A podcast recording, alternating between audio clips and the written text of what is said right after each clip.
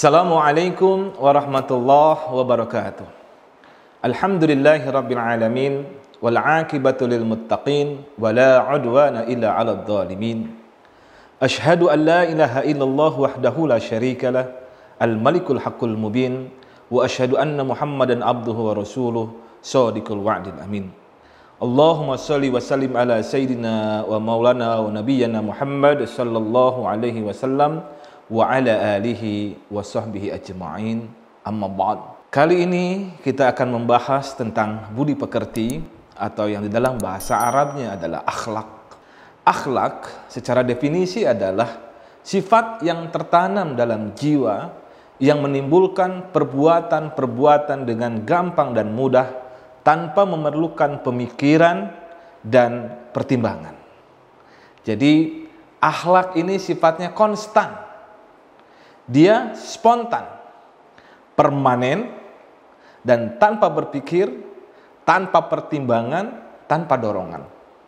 Contoh, jika ada seorang pemotor, dia sedang menjalankan atau mengendarai motornya di jalanan, lalu tiba-tiba dari belakang ada pemotor juga yang menyalip. Lalu kemudian dia spontan mengatakan kata-kata yang kotor. Nah, itulah akhlaknya tanpa pikir lagi, tanpa pinjam, tanpa pertimbangan lagi. Dia secara spontan. Ya. Pokoknya ketika ada orang yang lewat, ketika kata-kata keluar, kata-kata kotor keluar dari dirinya, itulah akhlaknya. Maka sering kali kita dalam kehidupan kita keseharian, kita tidak bisa mengontrol apa kalimat-kalimat yang terucap dari mulut kita. Pernah ada pepatah mengatakan, mulutmu adalah harimaumu.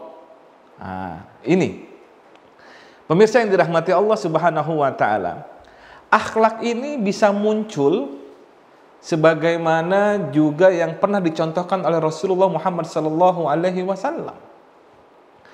Mengenai akhlak ini, ya, Rasulullah mencontohkan dalam sebuah hadis yang diriwayatkan oleh Muslim ketika seorang laki-laki bertanya kepada beliau sallallahu alaihi wasallam. Banyak pertanyaan yang dilantunkan kepada laki-laki itu, tapi ada satu poin yang kemudian nanti mengarah kepada akhlak. Apa? Laki-laki itu bertanya tentang ihsan. Rasulullah ketika ditanya tentang ihsan menjawab, "Anta budallaha ka'annaka tarah, fa illam takun tarah fa innahu yarak." Ihsan itu adalah engkau beribadah kepada Allah seakan-akan melihat Allah. Jika engkau tak mampu melihatnya, fa innahu yarak. Maka sesungguhnya dia Allah Subhanahu wa taala memperhatikan engkau. Nah, inti daripada kalimat yang diceritakan oleh Rasulullah Muhammad sallallahu alaihi wasallam tentang ihsan ini adalah bahwa dalam setiap ibadah kita baik yang sifatnya mahdoh maupun ghair mahdoh yang langsung vertikal kepada Allah Subhanahu wa taala ataupun yang tidak langsung melalui para hamba-hambanya maka ketika kita beribadah itu kita mampu melihatnya itulah yang disebut dengan ihsan. Para pemirsa yang dirahmati Allah Subhanahu wa taala, Ibadah yang mahdoh seperti sholat, zakat, puasa, haji. Kita mampu melihat Allah subhanahu wa ta'ala. Itulah yang disebut dengan ihsan. Ibadah yang gair mahdoh, semua perbuatan baik yang diawali dengan mengucap nama Allah subhanahu wa ta'ala. Seperti sekarang, saya mengangkat cangkir saya dengan mengucapkan Bismillahirrahmanirrahim dan saya minum Bismillahirrahmanirrahim. Itu adalah perbuatan ibadah. Ketika kita melakukan perbuatan itu, kita mampu melihat Allah Subhanahu wa taala, itulah yang disebut dengan ihsan. Artinya apa? Artinya dalam setiap perilaku kita, kita mampu melihat Allah, itulah yang disebut dengan ihsan. Ustadz, sampai hari ini ibadah saya baik yang sifatnya mahdoh maupun goir mahdoh belum mampu melihat Allah. Dan bukankah ada kalimat yang mengatakan bahwa Allah Subhanahu wa taala zatnya tidak bisa dilihat? Betul. Allah Subhanahu wa taala zatnya tidak bisa dilihat. Ya. Tetapi Allah Subhanahu wa taala bisa kita rasakan dan melihatnya tidak dengan mata kepala kita. Melihatnya dengan mata batin kita, melihatnya dengan basirah. Maka melihat Allah Subhanahu wa taala dengan cara mempertajam basirah kita. Bagaimana melatih basirah kita? Di mana basirah itu? Di dalam kolbu. Maka perlu kita melakukan manajemen terhadap kolbu kita agar kolbu kita menjadi lebih bersih sehingga dalam ibadah-ibadah kita baik yang mahdoh maupun yang ghair mahdoh itu kita nanti mampu melihat Allah Subhanahu wa taala. Sekarang kalau kita tak mampu melihatnya Rasulullah bilang fa illam takun tarah fa innahu. Jika engkau tak mampu melihatnya sesungguhnya Allah Subhanahu wa taala memperhatikan engkau. Dan dengan demikian ibadah kita yang mahdoh maupun yang ghair mahdoh dan kita selalu merasa diawasi oleh Allah Subhanahu wa taala, maka memunculkan sikap kesadaran bahwa kita selalu diawasi oleh Allah Subhanahu wa taala. Nah, kesadaran akan selalu diawasi oleh Allah Subhanahu wa taala kalau dipupuk lebih awal, lebih dini, itu akan menumbuhkan akhlak. Nasib kita, bahasa Inggris destiny, itu ditentukan oleh karakter, ditentukan oleh akhlak. Kita menjadi seorang pencuri misalkan, itu disebut sebagai pencuri karena akhlaknya suka mencuri. Kita suka disebut berbuat baik oleh orang lain karena memang wataknya, karakternya adalah suka berbuat baik. Dan itu bisa dipupuk, bisa dilatih. Karena karakter, watak itu diawali oleh aksi yang dilakukan secara berulang-ulang. Hadis Rasulullah Muhammad sallallahu alaihi wasallam, "Inna ahabal a'mal ilallahi adwamuha wa in Sesungguhnya pekerjaan yang paling dicintai Allah Subhanahu wa taala adalah yang dawam. Dawam bahasa kita, bahasa Jawa namanya ajek. Bahasa Inggrisnya adalah continue, berkesinambungan. Jadi pekerjaan yang paling dicintai Allah Subhanahu wa taala adalah yang acek, yang dawam, wa in walaupun sedikit. Nah, hubungannya dengan karakter apabila kita mampu melakukan kegiatan yang berulang-ulang, berulang-ulang, berulang-ulang sehingga kegiatan itu perilaku kita itu menjadi kebiasaan kita, menjadi habits kita, itulah dia akan membentuk karakter.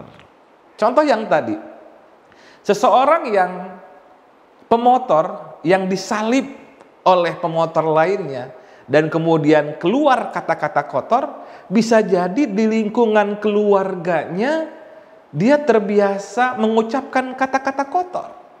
Sehingga di dalam kegiatan kesehariannya dia terbiasa melakukan itu terbiasa mengeluarkan kata-kata kotor sehingga itulah menjadi akhlaknya.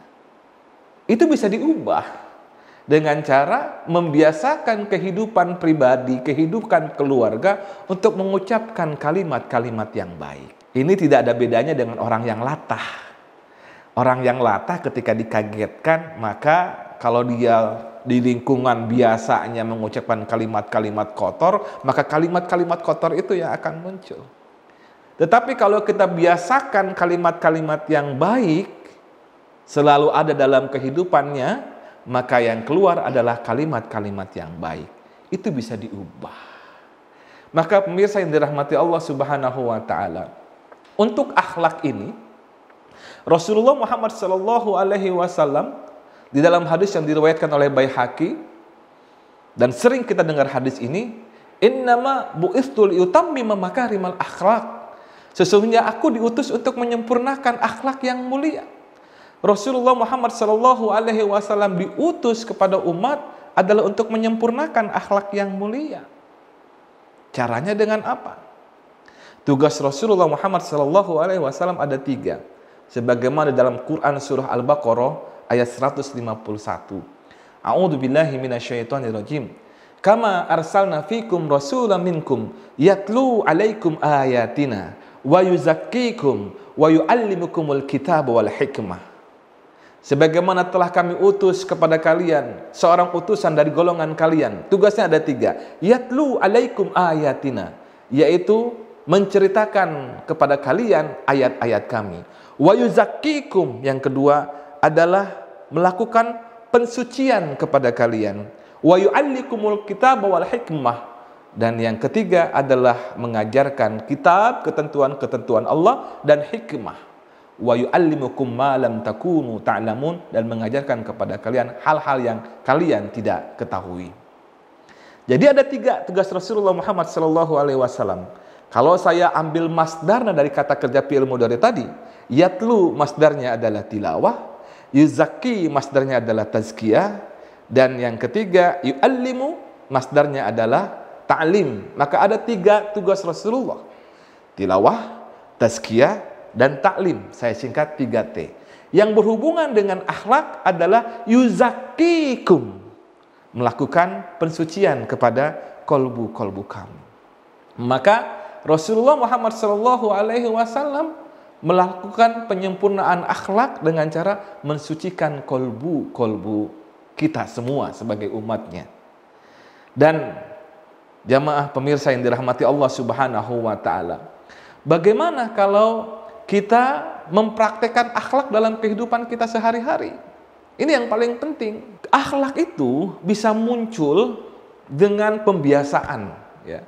Dengan pembiasaan kegiatan yang kita lakukan. Seseorang yang dikenal sebagai seorang dermawan karena dia setiap waktu atau setiap hari melatih dirinya untuk mampu memberi kepada orang lain walaupun sedikit Misal dia memberi seribu rupiah per hari dan itu dilatihnya setiap hari, maka lama-kelamaan akan menjadi karakter bagi dirinya. Sebuah contoh, teman-teman kita yang suka menari whirling darwish, tarian berputar itu, dia tidak akan bisa melakukannya pada saat pertama kali. Dan orang yang tidak biasa berlatih melakukannya akan merasakan pusing.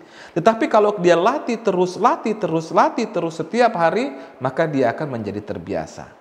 Nah, demikian juga akhlak itu bisa dibentuk dengan pembiasaan setiap hari. Maka ketika manusia setiap hari melakukan hal-hal yang baik, maka insya Allah akhlaknya akan menjadi yang baik. Demikian juga kalau setiap hari dia melakukan hal-hal yang buruk, maka akhlaknya menjadi buruk. Nah, karena itu pemirsa yang dirahmati Allah Subhanahu wa taala, biasakanlah diri kita untuk melakukan perbuatan-perbuatan yang baik. Insya Allah itu akan membentuk karakter kita yang baik.